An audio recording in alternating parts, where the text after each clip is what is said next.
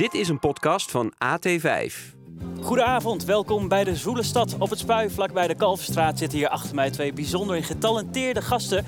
De ene schrijver, actrice, theatermaker. Ze heeft zojuist haar tweede roman uitgebracht en is alweer bezig met een nieuwe theatervoorstelling. En daarnaast zit een bijzondere muzikant, ondernemer, dichter. En hij is ook nog twee jaar geleden zijn eigen omroep begonnen. Ik heb het natuurlijk over Nyungdam en Akwasi Owusu Ansa. Laten we beginnen.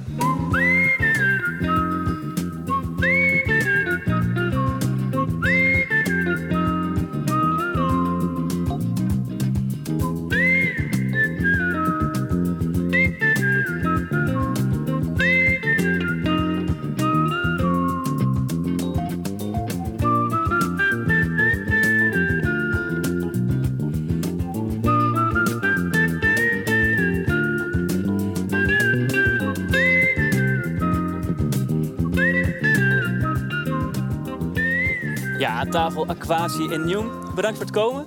Kennen jullie elkaar al? We zien elkaar voor het eerst nu. Ja, maar ik volg Aquasa wel langer, dus ik Oh, Ik volg jou ook langer. Oh, wat leuk, leuk. Maar heel leuk, want dat is wel leuk, want dan ken je elkaar nog niet echt. Maar dan heb je toch het gevoel dat je een beetje ken. eh, Ja, ja, precies, precies. Dus dat is wel heel mooi om je Ja. nu ook in het echt te mogen ontmoeten en Ja. aanschouwen. Past op zich ook wel bij elkaar met de thema's die jullie behandelen. Heel maatschappelijk relevant allebei. Totaal Ja. verschillende kunstenaars, maar toch heel erg ja, tot elkaar qua thema's en onderwerpen, denk ik. Ja, dat is zeker common ground, denk ik, toch? Dus dat is fijn. Ja, ja, ja. Ja, ik heb eh, opgeschreven dat eh Jong sinds 2006 in Amsterdam woont. Klopt dat? Ja, volgens mij... Ja, als je dat terugrekent, ja, sinds 2006. Ja? Oh, wat... Zeven- 17 jaar of zo za- zag ik ergens. Ja, wauw. ehm, Dat is ja, een heel puber eh, kind eh, de periode, hoor ik wel. Ja, ja, ja, precies. 17 jaar is echt lang. Mm. En je kwam naar de stad om de toneelschool te doen? Ja, ik woonde in Groningen, daar was ik dan opgegroeid. Mhm. En eh, ik maakte de overstap om, ik studeerde psychologie en eh, ik zou psycholoog worden en alles. En ik had heel vroeg de, de gedachte, nou, onder druk van mijn ouders, die wilden graag dat ik dokter of advocaat zou Ja. worden, dus studeren. En eh, opeens had ik de gedachte van, dadelijk ben ik 80.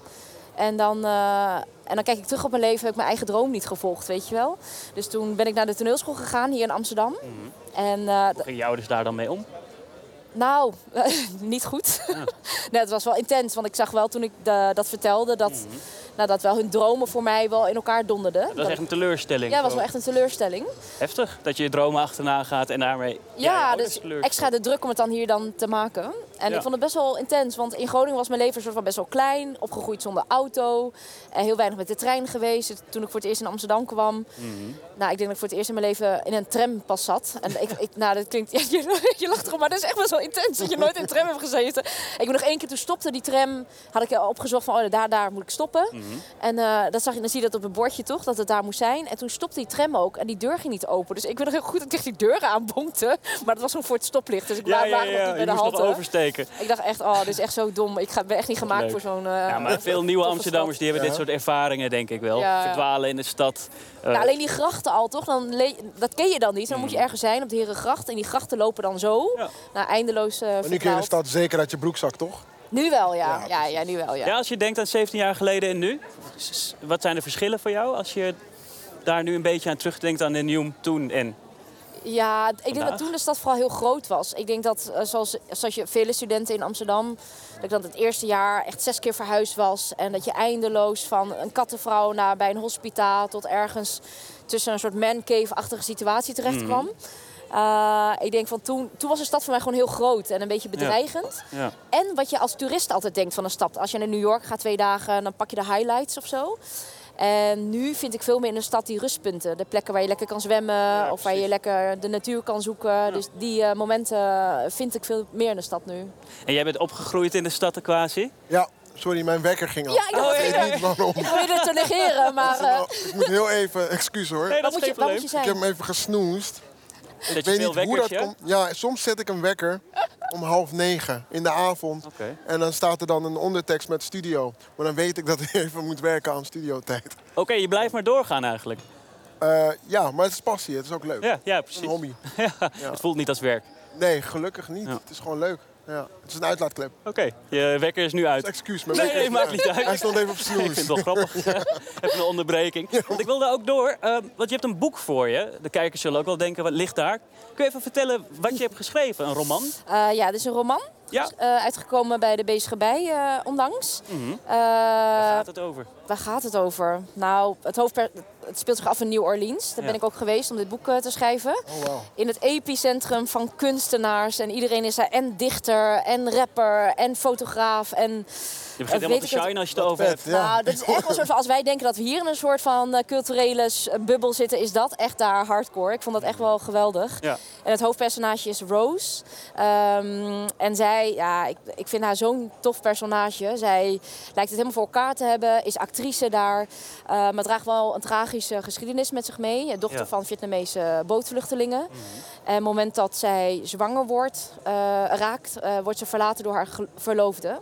En ehm, dat werpt haar zo terug op haar geschiedenis. Dat ze er eigenlijk achter komt, ik heb het fundament van liefde nooit geleerd. Ken je dat? Dat je gewoon je leven wel leidt en je, alles gaat prima. Totdat er iets heel heftigs in je leven gebeurt. Dat je denkt, wow, waar kom ik eigenlijk vandaan? Heb ik wortels onder mijn voeten? Heb ik liefde geleerd? Hoe moet ik ermee omgaan? Ja, zware onderwerpen wel. Nou, ook zwaar, maar het is ook denk ik eh, ook een heel universeel onderwerp. Ik denk niet dat je per se een migratieachtergrond hoeft te hebben om ontheemding of heimwee of eh, identiteit, die, die thema's hoeft te herkennen. Ik denk dat we allemaal ergens op zoek zijn naar waar vind je je thuis. En dat hoeft niet per se een Maar land toch te heeft ze zijn. een migratieachtergrond. Komt een beetje voort ook uit je eigen achtergrond? Rose? Eh, ja, nou mijn ouders zijn eh, Vietnamese Mhm. migranten. Hier gekomen met best wel een tragische achtergrond. En ik denk dat dat mijn hele leven mijn pad best wel heeft bepaald. En mijn leven heeft In de bepaald. tragische achtergrond bedoel je dat ze ook bootvluchtelingen waren? Ja, ja, ze zijn na de Vietnamoorlog gevlucht. Dat is nu een heel actueel thema. Maar nou, zij hebben dus op, als tieners nog maar op een vlotje ja. ja, hun land moeten ontvluchten. En ze zijn toevallig eh, opgepikt door een Nederlands vrachtschip. En daarom zijn ze in, Nederland, in Delfzijl in Ja. Groningen terechtgekomen. Toevallig. Ja, ik denk dat ik daarom dat mijn hele leven wel meeneem. Die thema's als het lot, weet je wel. Dat ik heel mijn leven dacht van, oh wow, wat nou als het een eh, Frans schip was geweest of een Amerikaans schip. Ja. Dan, daar ben ik ook naar Amerika gegaan. Dan was ik misschien, eh, of geen schip, dan was ik nooit geboren geweest. Dus dat zijn wel thema's die mijn hele leven wel ja, met me meedragen. En dat, daar moet ik wel wat mee in mijn schrijven en in mijn kunst. Maar wat is dan de definitie van liefde? Ja. Oh, ik geel het uit. Omdat ik, ik wou dat ik ergens van een vette one-liner had. Ja. Maar ik, zij is dus eindeloos op zoek naar wat is nou die definitie van Ja. liefde. Van als ik die sleutel heb, wat ik bij mezelf ook herken, dan fix ik alles in het leven. Dan gaat alles goed en dan vind ik het. En zij raakt dan zwanger en ze raakt in het dilemma, moet ik het houden of niet?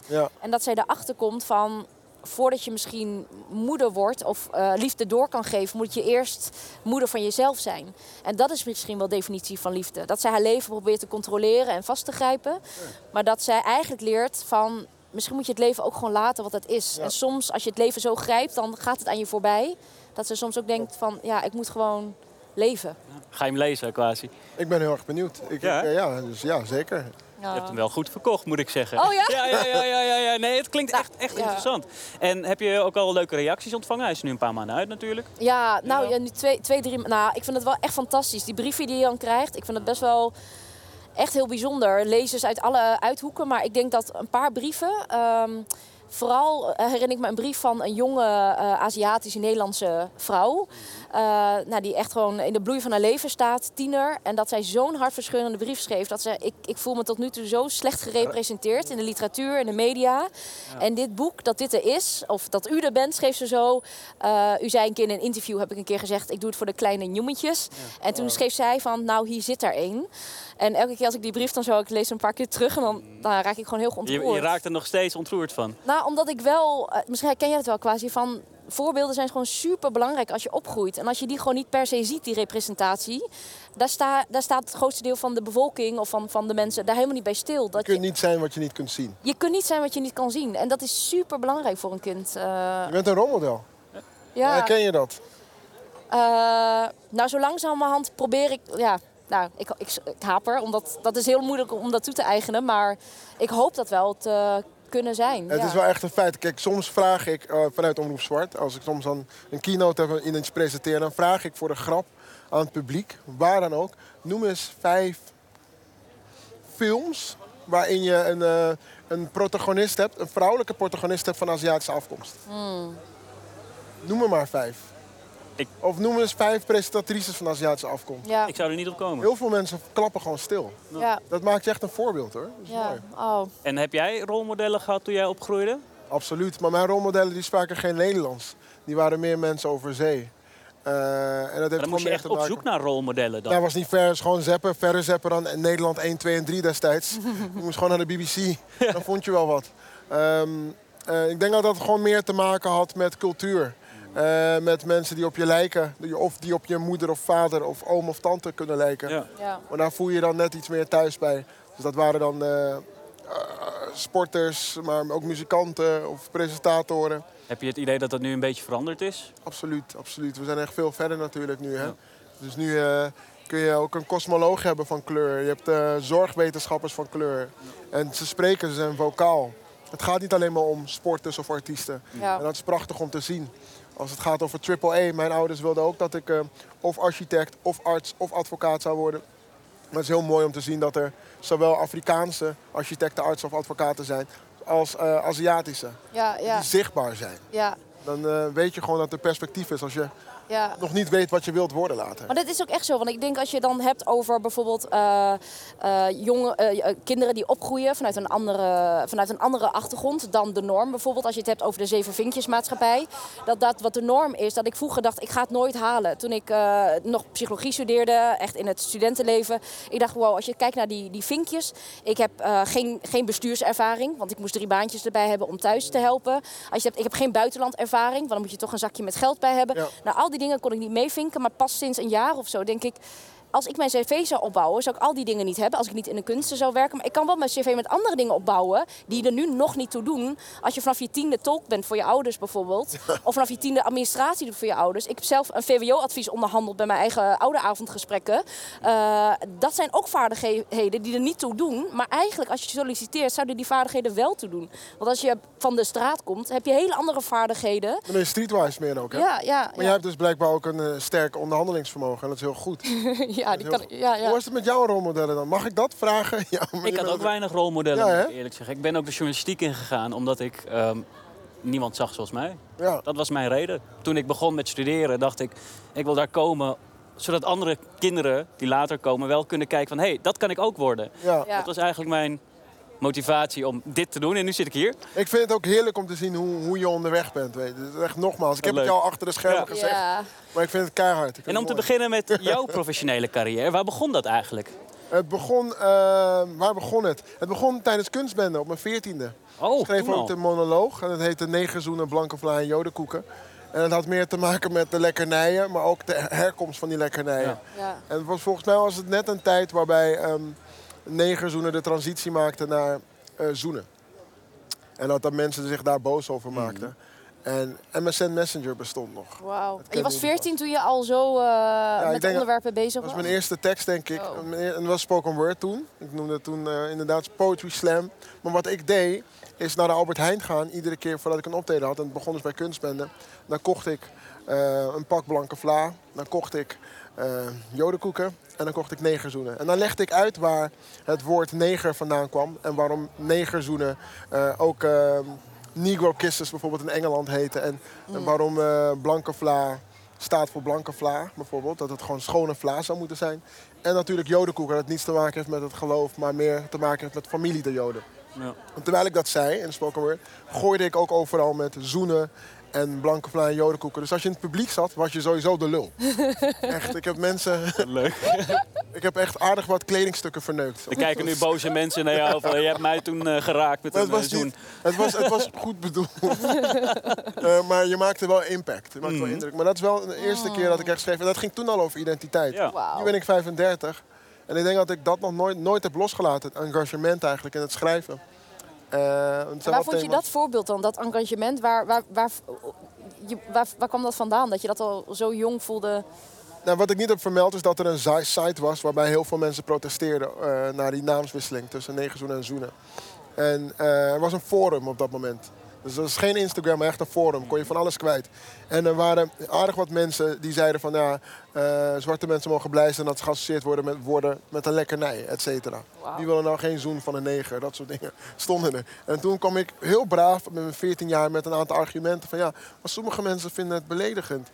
En toen werd ik echt helemaal eh verrot uitgescholden. En ga naar je eigen land. Het was de eerste keer dat ik dat meemaakte. De ik was- voorvader van Twitter klinkt dit. eh, Echt, echt. Het was een riool. Maar ik, werd, ik was zo boos dat ik begon te schrijven. Ik weet niet hoe dat... Niemand in mijn familie schreef. Maar ik kon naar mijn moeder gaan en dan chagrijnig zijn. Maar ik dacht van nee, ik ga hier gewoon over schrijven. Eh, Pen is mijn wapen, heb je ooit gezegd. Toen je, wel, ja, ik denk dat het nog steeds zo is. Ja. toen je bij Zwart Licht zat, had je ook een heleboel teksten. Zwart Licht ben je ook heel bekend mee geworden. Vooral in mijn vriendengroep zeggen heel veel jongens... Aquasi, ja, ja, dat heb ik vroeger heel veel geluisterd. Dat vind ik heel leuk. Want je bent eigenlijk met Zwart Licht ook begonnen met een maatschappelijke boodschap. Alleen het woord Zwart Licht al, waarvan je... Ja. waardoor je heel veel bekendheid kreeg met Hazy en Leroy, al die optredens. Ja. Het ging eigenlijk over zwarte excellentie, toch? Nou, het ging eigenlijk over ehm, woorden, nou, postkoloniale overblijfselen in ons vocabulaire, in een goed daglicht plaatsen. Dat is gewoon zo, weet je. Als je in die tijd dat ik dus mijn monoloog schreef, eh, kwam ik erachter dat als je een woordenboek, een prisma van Vandalen opent, dat je dan het woord zwart opzoekt. En zwart staat altijd voor verschrikkelijk, afschuwelijk, rein, Zwartgallig, zwart rijden, zwart van rijden, alles. zwart Ja. werk, zwarte kerst, zwarte pieten, zwarte magie. Zwarte bladzijden. Alles wat zwart is, is negatief. Ja. En dan ga je naar wit. Het staat er zie blank. Als je gaat naar blank, zie wit. Bij wit en blank staat glanzend, prachtig, rein, positief. Hemels. Helder, doorzichtig. Helder. Ja. En toen dacht ik van, dit klopt niet. Weet je wat we gaan doen? We gaan het woord zwart in een ander daglicht plaatsen. Want zwart kan ook positief zijn. Zwart absorbeert. Had je Eh, verwacht zoveel succes ermee te krijgen met Zwart Licht? Ehm, nee, nogmaals, het was een hobby. En ik werkte mezelf een beetje in de nesten. Want ik, tegelijkertijd, met de opkomst van Zwart Licht, moest ik ook naar school in Maastricht. Mhm. Moest ik mijn geliefde Amsterdam verlaten voor een stad die ik totaal niet kende. En Je had dat ook was- op de toneelschool hier kunnen... Ja, maar dat vond ik te dichtbij. Oké. Ja. Het zou denk ik me wel nog een beetje in de nesten werken Mm. met de praktijk van zwart licht. Ik moest echt even uit mijn habitat. Ja, ja. En daarin heeft Maastricht me enorm geholpen. Ik ben daar heel blij mee dat ik daar naartoe ging. Zeker. En eh, die periode daarna ben je eigenlijk heel erg ondernemend geworden. Van artiest naar ondernemer. Je hebt je eigen label, Mhm. eh, Nederlands Doop. Je hebt eh Neat Recordings, waarmee je televisieformats, een eigen productiebedrijf. En kun je daar wat over vertellen, over de ondernemende kant van Aquasi? Want Eh. veel mensen kennen dat niet volgens mij. Nee, ik denk dat het ook niet... Het is niet dat ik ermee pronk of zo. Maar ik denk dat het wel belangrijk is om te kijken naar... Kijk, we leven in een tijd waarin heel veel mensen founders zijn. Of heel veel mensen de behoefte hebben aan ownership. Autonomie, onafhankelijkheid, zelfstandigheid. Ja. En eh, nadat ik bij Topnotch eh, vanaf 2008 tot 2013 zat, dacht ik van... Ik ga het zelf doen. Ik ben benieuwd hoe dat gaat. En als ik op mijn bek ga, dan is dat zo. Dan vier ik mijn mislukking. Maar ik ga het wel zelf doen. En hoe ging dat? Eh, het ging goed, het was wel moeilijker. Maar ik heb wel heel aardig wat contacten gewonnen en ik heb wel impact kunnen maken. Ja. En ik heb ook mijn auteursrechten, mijn bloed, zweet en ik steek in mijn muziek. Ja. Of wat dan ook. Maar dat viel me op. Het komt vaak terug op Omroep Zwart. Ja. En bijvoorbeeld promo's hoor ik ineens muziek van jou op de achtergrond. Ja, dat is wel leuk dat dat zo samenkomt in... Ja, dat is toeval. Dat is toeval. Ik, weet je wat ik, want het grappige is dat ik er zelf niet eens voor kies, maar het wordt gewoon gekozen. door je Oh. collega's. Ja, door mijn collega's, door de mensen die het editen. Dat ik Ja. denk van, wow, je kan alles kiezen. Want, eh, maar ik, ehm, ja, ik denk dat, ik denk dat eh, ondernemen, dingen doen, vind ik gewoon interessant. Dus of het nu gaat om een productiebedrijf, een label of de omroep nu. Ja. Ik weet niet wat er hierna volgt, maar ik vind het wel leuk om gewoon lekker bezig te zijn. Eh, om het landschap te kunnen verrijken, toch? En eh, jij weet wel wat hierna volgt, want jij bent bezig met een nieuwe theatervoorstelling. Ja, mooi bruggetje. hè? brug. Wat een Vertel. Ja, dat er komen. Nee, ja, ik ben bezig met mijn volgende Ja, theatervoorstelling. Njom geeft zich bloot. Njom geeft zich bloot. Njom geeft zich bloot. Ja. Njom geeft zich bloot. ja, vier keer de titel. Heel goed. Njom geeft zich bloot. Nog één keer. Eén keer de titel? Nee, nee, nee. Gewoon één keer. Hij is op zich. We willen extra promoten, hè? Oh ja. Nee. Maar waar gaat het over? Nou, het gaat over, als je het hebt over ondernemerschap, het gaat over eh, viering van identiteit. En ik denk dat daar waar Mooi. ik die, die onderwerpen wat zo in- in, mijn DNA zit over representatie, kansongelijkheid, al die dingen. En ik denk dat ik tot nu toe heel lang een weg heb gevolgd van. eh, nou, er zijn veel theaterstukken ook in het landschap van, van onze collega-acteurs. Die gaat over racisme, discriminatie, de pijn daarvan. En ik zit heet te denken, hoe kan ik die brug slaan en hoe kan ik de viering van identiteit eh, uitstralen van het is nu tijd en je mag in het licht stappen. En juist als je uit een achtergestelde positie komt, dan is het misschien extra je verantwoordelijkheid om in het licht te stappen. En eh, een voorbeeld daarvan is dat ik dan kleinkunst en toneel hier in de toneelschool in Amsterdam heb gedaan. En we moesten eindeloos Annie M.G. Smit zingen, Brel zingen, Edith Piaf. Ja. En ik ben westers en eurocentrisch. ja, ja, en ik ben opgegroeid met Vietnamese muziek. Eindeloos, die karaoke stond aan, hele andere toonladders.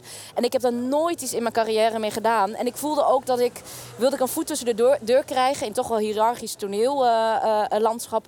moest ik witter dan wit zijn, mijn accent afleren, goed leren praten. Nou, eh, inderdaad, Annie M.G. Schmid leren zingen. En ik denk dat nu gewoon tijd is dat ik nu pas durf die koffer te openen... met die, dat vat aan die traditionele Vietnamese muziek.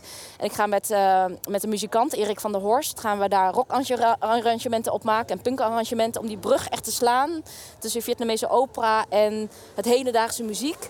En ik denk gewoon, het is echt gewoon tijd om die koffer open te trekken. En ik denk ook in het vak, ik ben dan nu 38, jij 35. Hiervoor was het een soort van hosselen en een soort van carrière maken. Maar het is ook tijd om ook het plezier, voor mij tenminste, plezier terug te vinden. Dus ik heb onder andere voor deze show uh, Hans Klok gebeld. Hans Klok, oké. Wat heb je nou weer gedaan? nee, ik had een, soort van een kinderlijke fantasie over... Ik ga het nog niet verklappen, maar ik heb een kinderlijke fantasie... mijn hele leven al voor een soort act. Oh. En dat kan ik niet zelf doen. Dus ik belde hem gewoon soort koud op. En die man is super aardig. Die zei, kom maar langs in een loods in uh, IJmuiden naast een visafslag. En hij zei, nou, eh, waar kan ik je mee helpen? En ik dacht van, oké, wil ik door midden gezaagd worden? Wil ik oh. verdwijnen? Maar ik had oh. iets in mijn hoofd. En hij zei, ik ga je helpen. Ben je door midden gezaagd? Nee, nee dat is niet mijn vraag. ik heb een ander soort ding in mijn hoofd. En waar kunnen we straks uh, de voorstelling zien? Uh, nou, in Amsterdam speel ik uh, in december en in maart in ja. de Lamar. Hier, okay. uh, ja, dus je kan de... Oh, heel snel. Ja, ja, ja. Dan wil ik nog even over naar jou, want je hebt de afgelopen weken heel druk gehad. Met uh, Kitty Kotti hebben jullie met Omroep Zwart heel veel gedaan. Maar twee jaar geleden zijn jullie pas begonnen. Kun je iets vertellen over die reis? Van het beginnen met Omroep Zwart, waarom je dat hebt gedaan, tot nu. Wow, hoe lang heb je? Hoe lang heb je? Ja, niet zo lang. Dat is al een boek op zich. Nee, het is Elevator pitch, één minuut. het is een achtbaanrit, ups en downs. Ja. Maar superleuk. Het ene moment uh, heb je heel veel van het medialandschap tegen je... en ineens ben je onderdeel van de media. Ja. Laten we het zo zeggen. Mm. Ben je onderdeel van Hilversum, zoals dat... Nee, ik ben onderdeel van Amsterdam. Ja, precies. Um, Jullie kantoor zit in Amsterdam. Wij, wij zitten in Amsterdam, wij blijven ook in Amsterdam. keuze? Nou, het ligt aan de gemeente Amsterdam. Als zij, met als zij ons willen blessen met een kantoor of zo, dan zou het heel tof zijn. Dan is het een bewuste keuze. Okay. Uh, Hilversum trekt ook al, maar ik denk dat we echt in Amsterdam moeten blijven. Ik denk dat het goed is voor de stad. Ja, ja dat denk ik ook, toch? Ja. En nou ja, Omroep Zwart, je bent nu twee jaar bezig. Ja. Hoe gaat het? En we zijn een baby. We leven in een... Uh, Afro wordt Afro, Afro Tros wordt dit jaar 100 jaar bijvoorbeeld. 100? Ja, dus we zitten echt in een, uh, een landschap waarin er uh, boomers zijn, bejaarden en wij zijn de baby. Uh, weet je, dus wij zijn dit jaar drie geworden. Dus we leren heel veel. We gaan niet doen alsof we alles weten, maar we stellen ons gewoon juist extra kwetsbaar op.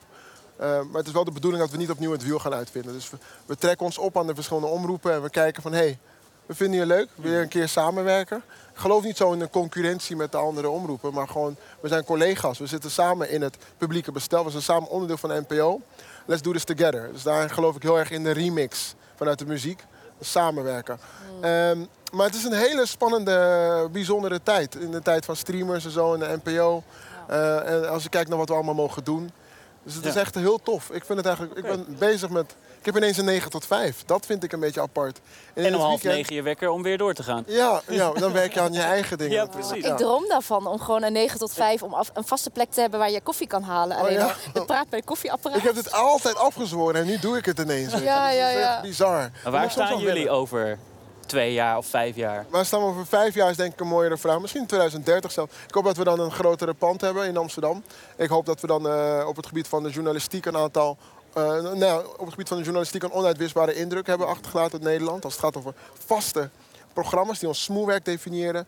Eh, eh, qua werkgelegenheid geven we het medialandschap ook een boost. Ik denk dat onze komst in het publieke bestel al wat doet met de verhoudingen van verschillende omroepen. Zij het nou landelijk, regionaal of lokaal. Dat je ziet van oké, inclusie is heel erg belangrijk.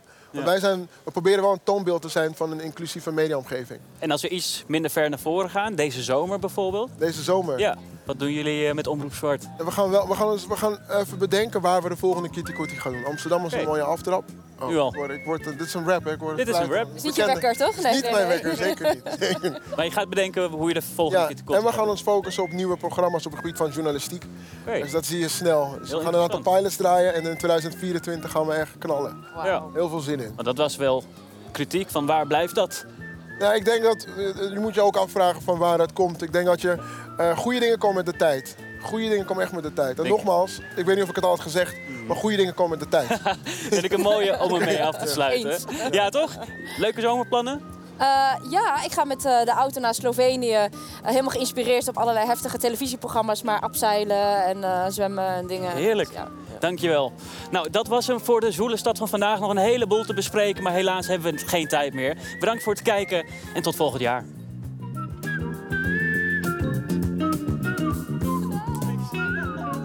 Dit programma werd mede mogelijk gemaakt door Biz Kalverstraat en Heilige Weg.